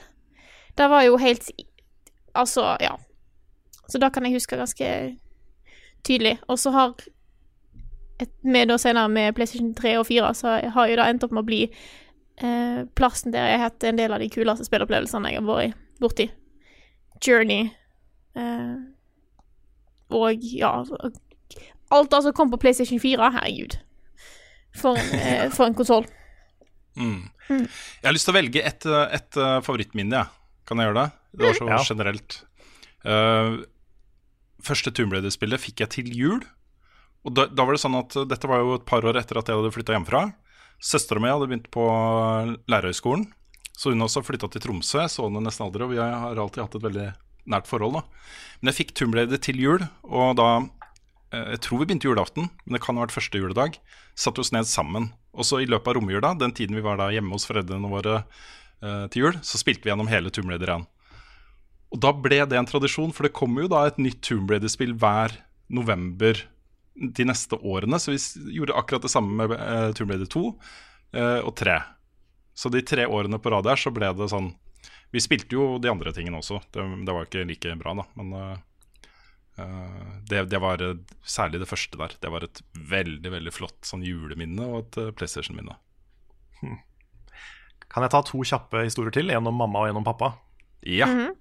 Fordi jeg hadde én besøk av fetteren min. Det er veldig mye fetteren min i PlayStation 1-minner. Men han tok med seg PlayStation til meg, og så spilte vi Tekken for første gang. Og så husker jeg mamma sto litt sånn i døråpningen eh, på rommet mitt og bare så litt sånn skeptisk ut. Og spurte har ikke de menneskene der lært seg at ikke de skal slåss. det, det oppsummerer liksom mamma og den underholdningen som, som vi så på hjemme. Ja. Men um, en annen gang så skulle jeg spille Tekken med pappa. Fordi jeg, pappa var liksom på en sånn bonding-greie. Skulle bonde med, med barna. Så han fant opp at vi skulle ha en sånn konkurranse. da Hvor vi skulle spille fem runder Tekken og fem runder sjakk. Og hvis, hvis jeg vant, så fikk jeg litt penger, tror jeg. Og hvis uh, pappa vant, så måtte jeg vaske bilen. Oi! Og uh, det som skjedde, var at jeg grusa han i fem runder Tekken. Ja. Og så vant jeg første runde sjakk, og da var det liksom ikke noe mer. Det Da var det ikke noe vits å spille mer sjakk, da. Nei, det var ikke noe vits. Wow. Da ble det, litt, det ble ikke så mye sjakk.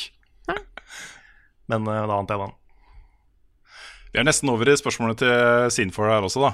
Kan bare ta det, da. Ja, spør, hva er deres eh, hadde deres foreldre noe forhold til spill og gaming? Han sier at min datter på 15 har nylig kjøpt seg en gaming-PC og gleder seg, over å, eh, gleder seg til å spille spill sammen med pappaen sin.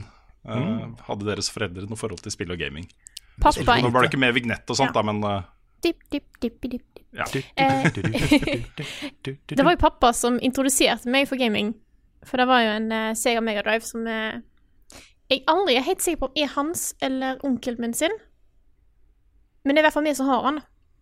Uh, spilt mye Sega Mega Drive med han. Uh, jeg har jo egentlig nesten hvert eneste år sjøl nå i voksen tid, bortsett fra i fjor. Det var en litt sånn sår ting.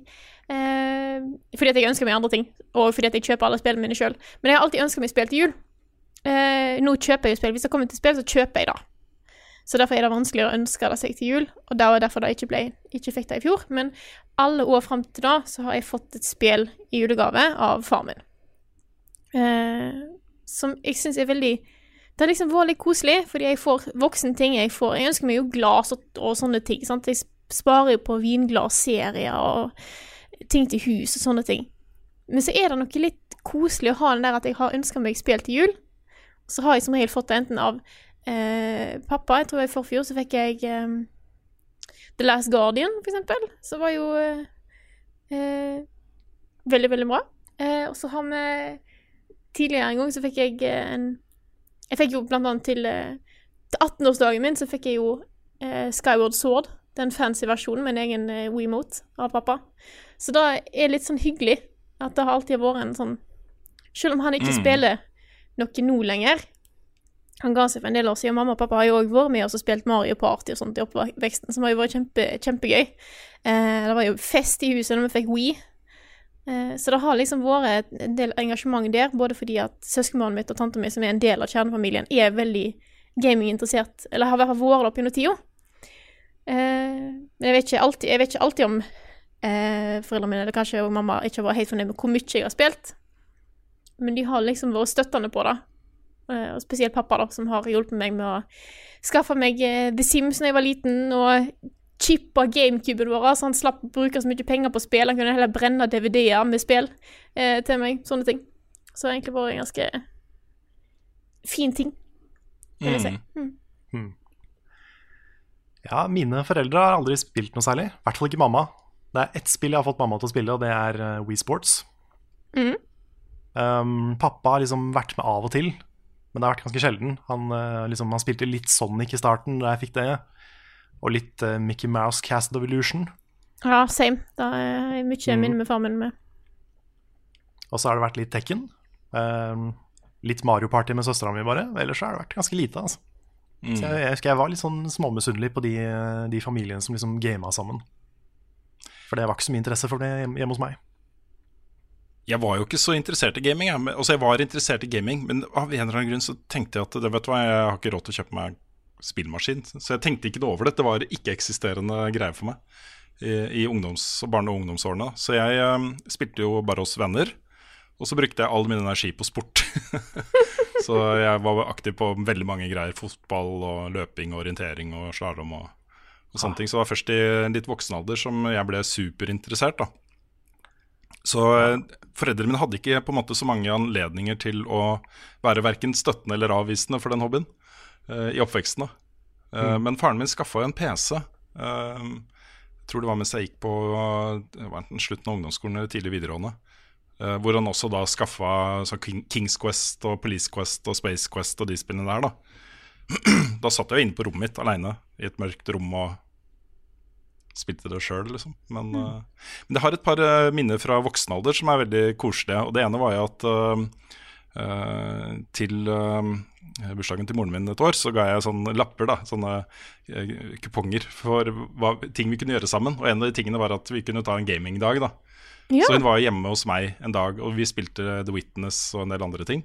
Eh, det var kjempekoselig. Og det er jo nå nylig, da. Det var veldig nylig. så det er jo ikke noe Men det var en litt sånn fin bonding, for hun har alltid vært veldig nysgjerrig på spillmedier og spurt masse og Ja, sett videoene vi lager og Mm. sånne ting. Det er veldig koselig. Mm. Jeg er, jeg er litt stolt av mamma også. Eller jeg er veldig stolt av mamma også. Fordi um, det var jo som, som mange foreldre så tenkte jeg at dette er sånne ting som er sånn når når de er små og de kommer til å vokse ut av det og sånn. Men det har jo forandra seg, spesielt etter at jeg begynte å jobbe i VG og sånn. Mm. Så nå, eh, mamma jobber som høyskolelærer, og når alle de andre, eller når noen av de andre lærerne hever stemmen og snakker om disse farlige spillene, så, så er mamma litt sånn på min side, da. Mm. og, og taler imot. Og det syns jeg er litt, eh, litt bra. Det er veldig hyggelig. Ja, det er veldig bra. Jeg tenker meg om, så vet jeg at mamma og pappa har spilt en del sammen, faktisk. Både før jeg ble gammel nok til å være med, og da jeg var ganske ung. Eh, De spilte en del PK-klikkspill. Som er interessant, for det er jo ikke min sjanger i det hele tatt. Men da hadde jeg spilt en del, eh, da. Så jeg innser at mamma òg faktisk har vært en del borti gaming. Men eh, pappa har jo vokst opp med det, med Arkade og sånne ting. Så han har jo på en måte Jeg tror han har bare falt litt av etter hvert. Jeg kan nevne at Mike Burbiglia, som jeg snakket om tidligere i denne episoden her, hadde nok hatt et par, par ting å si om akkurat det. Ting man gjorde liksom før, eh, før man fikk barn og sånt, og som Ja. man ikke gjør lenger etter at man får barn. Yes, skal vi ta, eh, ta neste spørsmål? det kan vi gjøre. Eh, nå, vi har vel en vanlig podkast neste uke òg, har vi ikke det? Jo da, For da skal vi spare litt julespørsmål og sånt til da. ja, det kan vi kanskje gjøre. Ja, kanskje vi skal gjøre det. Ja. Ja. Da gir jeg eh, Nå har jeg, jeg skulle til å si at jeg gir dere ansvar, men dere har jo tatt alle spørsmålene. Eh, jeg har et spørsmål her som jeg har lyst til å ta likevel. Eh, det er fra. Martin Herfjord. Han spør hvis dere var i eh, His Dark Materials, eller hele serien der, hvordan ville deres demon vært? Snakket vi Ja, om på stream spørsmål. i går. Ja, hadde en lang debatt om dette her på stream i går. Ja. Ja. ehm, jeg, ta, jeg, jeg, jeg likte veldig godt ditt forslag på, det første forslaget ditt på din egen uh, demon, Carl. Pinnsvin. Vi- Pinnsvin. Ja, jeg er pinnsvin. Ja. Jeg eh, har tenkt litt på det på forhånd òg. Prøvd å liksom Før streamen òg. jeg har lyst til å si katt, men da er, jeg vil ikke at det skal bare være fordi at jeg liker katter. Eh, og så kom det òg et forslag på streamen i går som jeg òg har tenkt på sjøl, og derfor på en måte var det en liten bekreftelse på det. Eh, en eller annen form for ugle. Ikke de som ser sintest ut, men en av de som, det er noen som ser litt koselig ut. Det er litt Mhm. koselig ugle. Barn owl eller noe. Jeg har jo så lyst på hund, men jeg kan ikke si hund, for det er jo ikke en, en demon. Det er jo et eh, kjæledyr som du bare vil kose med hele tiden. Og dette er jo eh, sine egne individer, ikke sant. De er mm. ja, en følgesvenn, en ja. likestilt. Så jeg kan ikke si hund, men pokker altså, vi var jo hos uh, Henchman Goon i Bergen. Der var det en han hadde en Shiba Inu, og de er jo oh. så sjukt søte. Og veldig rare, den var veldig kosete. Ja, sånn, ja. Men den var veldig, eh, veldig glad i nye mennesker og sånt, så jeg fikk eh, kost masse med den. Og så var vi hos uh, Krillbite uh, på mandag, Karl. Og da hadde jo Kristoffer Han hadde jo da en golden retriever-valp. Åh! så jeg, jeg har meldt meg inn i, i Shiba Inu Østlandet på Facebook. Mm. Begynte å gjøre litt research på den hunderasen også, da. Men uh, kanskje katt? En Ja. som For jeg, jeg liker katter også, men ikke, ikke i nærheten av like mye som hunder, da. Uh, men de er liksom individer seg selv. Ja. jeg vet ikke. Ja, katter er jo mer uavhengig. Mer sånn Mm. uh, lever sitt eget liv, driter litt i omverdenen noen ganger. Mm. Men uh, Nei, jeg vet ikke. Det er, sånn, det, er så, det er så mye potensial for en klein pubertet i det universet der. Veldig sånn, Du går og venter på hva blir det, og så får du et eller annet kjipt. Mm. Det er litt sånn en halvdårlig Pokémon som, som er med deg resten av livet, liksom. Ja. Mm. Så um, jeg vet ikke. Jeg vet ikke hva det realistiske ville vært. Mm. Det er det vanskelige spørsmålet. Mm. Men jeg hadde satt pris på et pinnsvin. Det hadde vært eh, koselig. Ja, Man kan jo tenke litt sånn ut på togreiser og bilreiser og sånt. Det er lettere å ta med seg et piggsvin eller en mus enn en bjørn, f.eks. Ja. en bjørn er jo litt heavy. kan man ha bjørner i, Ja, det, i. Dark Materials? For det er jo, isbjørnene er jo uavhengig av Ja, isbjørnene er jo litt spesielle, da. Ja. Men vanlig bjørn vil jeg tippe fint går an. Mm. Jeg kan også si når vi snakker om liksom, til- at du var klein pubertet og kanskje ikke liker de men Det blir faktisk tatt opp i boka som jeg anbefalte forrige uke! Så tar de jo faktisk hey. det her med på en måte da og eh, Forholdet til en demon. Så vet dere da. Bra bok. Mm. Anbefales. Yes. Nice. Mhm. Har dere noen ekstra spørsmål liggende?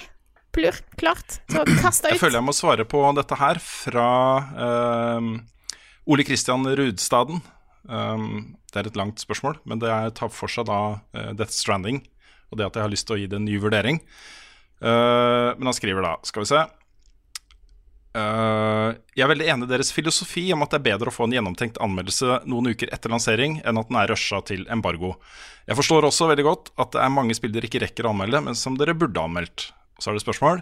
Jeg syns derimot det er vanskelig å rettferdiggjøre at eh, Rune skal bruke tid på å lage en ny anmeldelse av Death Stranding når den tiden kan brukes til andre ting, hvis det fortsatt er tilfellet at han skal det da. Eh, Og så skriver han tilleggsinfo 2. Forstår godt at Rune vil rette, opp, rette det opp siden han har forandret mening, men hans oppfatning av spillet var slik da han anmeldte det. Vår oppfatning av spill, film og andre kulturelle uttrykk forandrer seg hele tiden. Vi kan like ting mindre eller mer når vi legger merke til nye ting i film og spill. Det er et godt poeng. Det er f.eks. Um, første gang jeg hørte 'Appetite for Destruction' av uh, Guns N' Roses, så syns jeg bare det var noe ræl. Jeg forsto det ikke i det hele tatt. Ikke, det fenga ikke i, det hele tatt. Nå er det et av mine topp ti-album noen gang, da. Um, det er mange andre eksempler fra både musikk og film jeg kan komme på. Forskjellen her er jo at det her var sånn umiddelbart etterpå. Og nå må jeg bare få presisert, jeg har ikke sittet i arbeidstiden og spilt eh, Death Stranding en gang til. Det jo, ble jo mitt fritidsspill. Jeg slutta å spille Destiny 2 jeg, hele den perioden hvor jeg spilte gjennom det en gang til. Um, det var rett og slett fordi um, jeg har opplevd før, uh, og da heldigvis ikke lagd anmeldelse, at uh, en andre gjennomspilling kan endre inntrykket mitt ganske mye. Det skjedde med Dishonored f.eks., hvor jeg var ikke så positiv første gjennomspilling. Andre gjennomspilling uh, ekstremt positiv. Det er Når det er så tett opptil, og jeg syns jo det verste her er jo at jeg ga det feil vurdering. Det er jo det, det, er det inntrykket jeg har lyst til å rette opp. Det er uh, ting her som jeg mener uh, jeg gjør det verdt å gjenbesøke det. Men når det er sagt, da, så lager jeg ikke en helt ny anmeldelse. Det blir en del av noe annet, men jeg skal lage noe på det. Som bare at det får en ny score, da. Og um, deler de erfaringene jeg hadde da jeg spilte gjennom en gang til. Så det mener jeg det er verdt å bruke tid på. Når det er så tett opp til uh, lansering og, og sånne ting. Det er ikke to år etterpå, eller fem år, eller ti år, eller det, er ikke, det har ikke skjedd noe i livet mitt som gjør at jeg er en annen person nå enn da jeg anmeldte det. Det, er, uh, det var bare omstendighetene rundt første anmeldelse som gjorde at uh, jeg føler behov for å korrigere det. Kan man, kan man si at du ikke var i riktig headspace to receive news that might hurt you? ja. ja, det kan man. Det, det var, det var en sånn, et forsøk på en sånn Twitter-meme. Ja da, det, jeg tok den.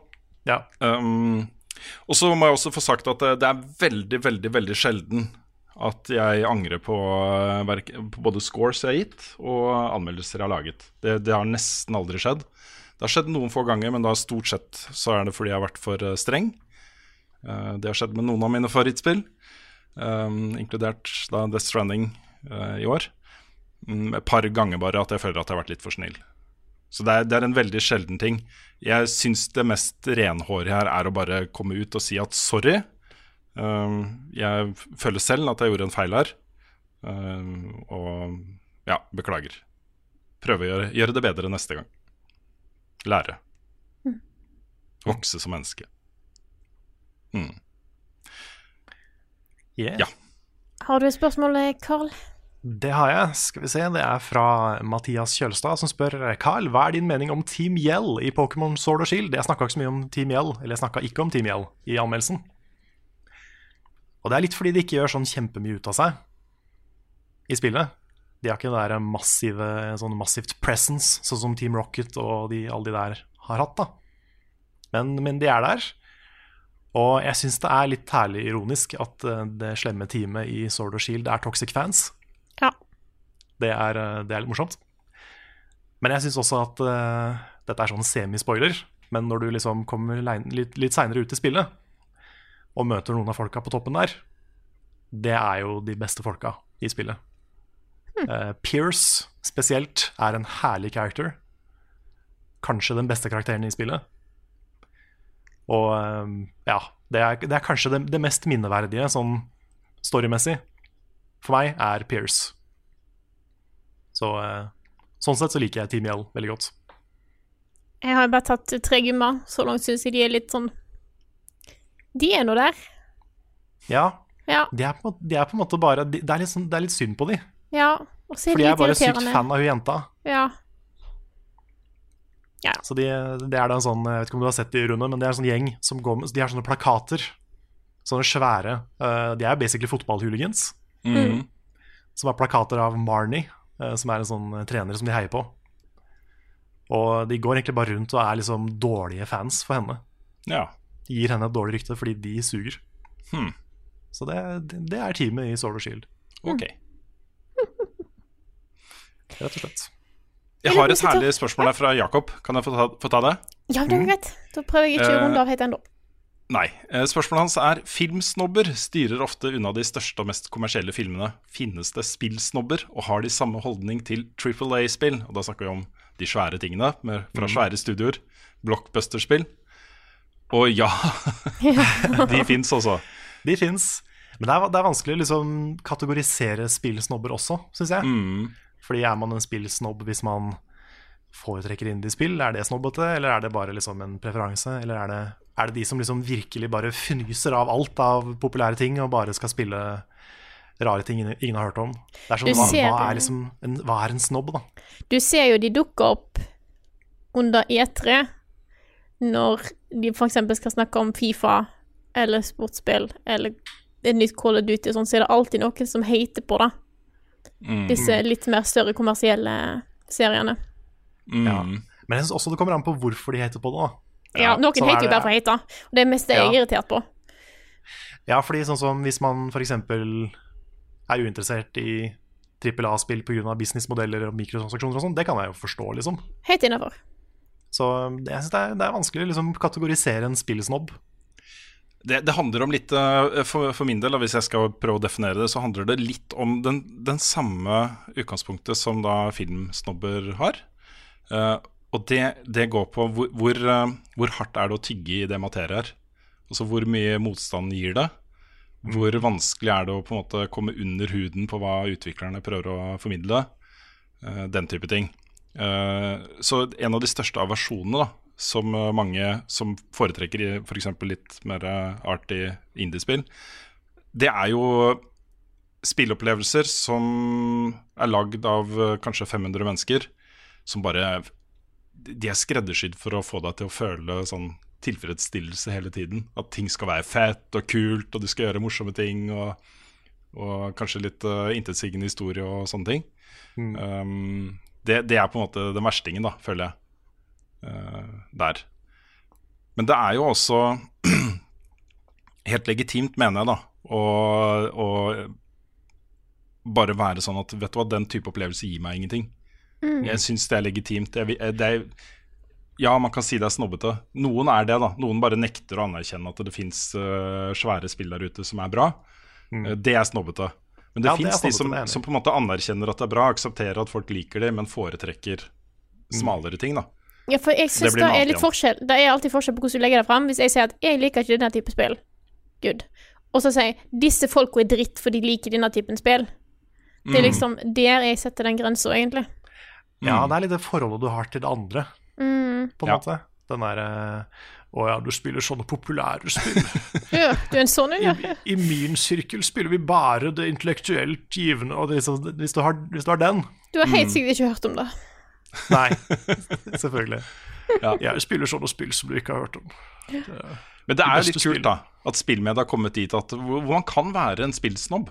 Ja. Man kan sitte og grave fram de der kunstnerprosjektene som er lagd i kunstnerkollektiver i Amsterdam og, og sånne ting. Som uh, er kanskje bare sånn ti minutters uh, interaktive opplevelser som sier én ting, men Mm. sier det veldig sterkt. da. Du kan sitte og grave, og du kan finne de tingene, og du kan kose deg med det. Og det Mm. er uh, ja. Du vil ikke forstå mine spill går tilbake til Assassin's Creed og Call of Duty. Nei, og så har du en annen stor sånn divide da, blant de som er interessert i spill. Og det er de dividet der går jo mer på om spill er mekaniske, eller om de eh, er eh, mer sånn følelsesopplevelser. Ja. Um, noen får, vil jo bare ha Super Mario, og at når du trykker på en knapp og gjør ting, også mekaniske spillmekanikkgreier. Mm. Så det er det som er spill. Alt annet er ikke eh, noe for meg. Mm. Men jeg har, jo- jeg har tenkt tanken sånn Jeg er veldig glad i spill som får meg til å føle ting. Jeg er kjempeglad i veldig mange indiespill. Så det fins helt sikkert folk som ser på meg og tenker at jeg er en spillsnobb. Det kan godt hende. Og det er greit, det. Ja. Nå er ikke jeg en spillsnobb bare fordi jeg nesten anmelder indiespill. Uh, men jeg kan Ja, jeg tror jeg Det hender jo ofte, hvis jeg møter folk da som jeg ikke nødvendigvis kjenner så godt, eller et eller annet, og så kommer det fram at jeg jobber jo med spill. og Bare sånn, ja, hva spill spiller du? Jeg bare sånn, nei, det, jeg spiller jo mye forskjellig, da. Det spørs hva jeg skal anmelde. Så akkurat nå så holder jeg på med dette lille spillet her, og det er bare ah, OK. Ja. Sier ikke League of Legends eller Jeg bare nei. Mm. Så da på en Ja, måte hvis- kan jeg sikkert virke som en sånn særing, da. Ja, hvis du, hvis du har et veldig litt sånn um, Hvis ikke du har et veldig dypt forhold til spill, så kan det hende at noen av våre anmeldelser kan virke litt sånn. Litt sånn. Mm. Kanskje. er jeg, jeg er veldig, jeg er jo veldig glad i artsy, kule spill som får meg til å føle et eller annet. Men altså, det er ingenting som gjør meg mer fornøyd enn når jeg har et så deilig gameplay som Celeste. Hvis du Mm. ser vekk fra historien i Celeste, må jeg jo artsy og få meg til å føle ting. Men liksom gameplay i seg sjøl, liksom. Det er jo Ja. Mm. Men, eh, men jeg, jeg føler jo vi har Altså, jeg, jeg føler vi er flinke til å også sette pris på Altså til å sette pris på forskjellige ting, da. Ja da. Ja. Det, det syns jeg. Jeg syns Vi vi er folkelige. Jeg jeg, jeg føler ikke sjøl at vi er så snobbete. Jeg er stolt bare- av hva vi får til, jeg. Ja. Ja. Jeg bare sitter her og resonnerer meg fram til mitt eget, uh, min egen posisjon i det her. Ja, ja, ja. Klapp oss sjøl på skuldra. Jeg er flink. Ja. Ja. Vi er, vi er flinke noen ganger, vi er det. Altså. Ja, ja. Mm. Skal vi runde av med det, eller? Det kan være. Så jeg vil først si tusen, tusen takk til alle dere som støtter oss på Patron. Eh, det er dere som gjør at vi kan fortsette med dette eventyret vi holder på med. Eh, med å lage innhold og, som jeg syns stadig blir mer og mer variert. Jeg syns det har vært mye kult innhold på kanalen i det siste. Klapp oss sjøl Ja, på skuldra, ja. flinke folk. Yes. på skuldra. Ja. Jeg, er, jeg er stolt, jeg. Jeg er stolt av hva vi har fått til på kanalen vår i det siste. Ja. Det må være lov å si det noen ganger. Ja. Lov, av og til så er det lov å være stolt av ting. Ja, Hvis Ja, noen kommer inn nå på slutten Hvis noen bare hører slutten av podkasten, så er det en callback til en diskusjon vi hadde tidligere i podkasten. Ja, For det er så vanlig å hoppe midt inn i en podkast. Ja, Ja. kanskje noen gjør det. Jeg vet ikke. Ja. Ja. Men i hvert fall så må vi takke Vi er flinke, men vi hadde ikke kunnet være så flinke hvis ikke det var for dere som støtter oss på Patron. Eh, Så tusen takk til dere. Dere er bra folk. Tusen millioner takk, faktisk, denne gangen. Yes. Såpass, ja. Og med det så sier jeg tusen takk for oss. Takk for at du hørte på denne episoden her av Level Backup, og så snakkes vi igjen neste uke.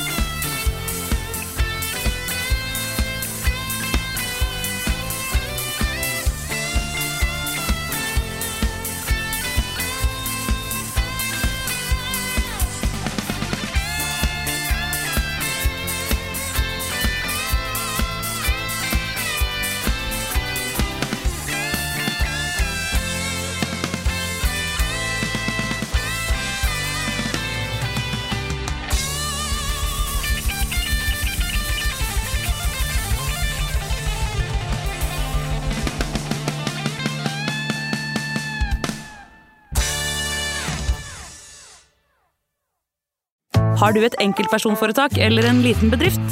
Da er du sikkert lei av å høre meg snakke om hvor enkelt det er med kvitteringer og bilag i fiken, så vi eh, gir oss her, vi. Fordi vi liker enkelt. Fiken superenkelt regnskap.